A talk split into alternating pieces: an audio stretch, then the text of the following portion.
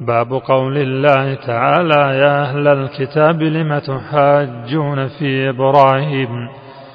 قول الله تعالى يا أهل الكتاب لم تحاجون في إبراهيم وما أنزلت التوراة؟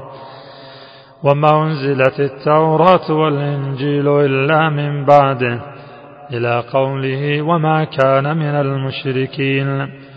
وقوله ومن يرغب عن ملة إبراهيم إلا من سفه نفسه ولقد اصطفيناه في الدنيا وإنه في الآخرة لمن الصالحين وفي حديث الخوارج وقد تقدم وفي الصحيح أنه صلى الله عليه وسلم قال إن آل أبي فلان ليسوا لي بأولياء إنما أوليائي المتقون وفيه أيضا عن أنس رضي الله عنه أن رسول الله صلى الله عليه وسلم ذكر له أن بعض الصحابة قال أما أنا فلا أكل اللحم وقال الآخر أما أنا فأقوم ولا أنام وقال الآخر أما أنا فلا تزوج النساء وقال الآخر أما أنا فأصوم ولا أفطر.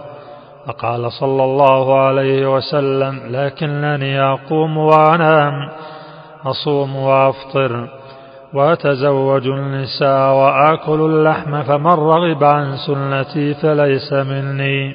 فتأمل إذا كان بعض الصحابة أراد التبتل للعبادة قيل فيه هذا الكلام الغليظ. وسمي فعله رغوبا عن السنة فما ظنك بغير هذا من البدع وما ظنك بغير الصحابة.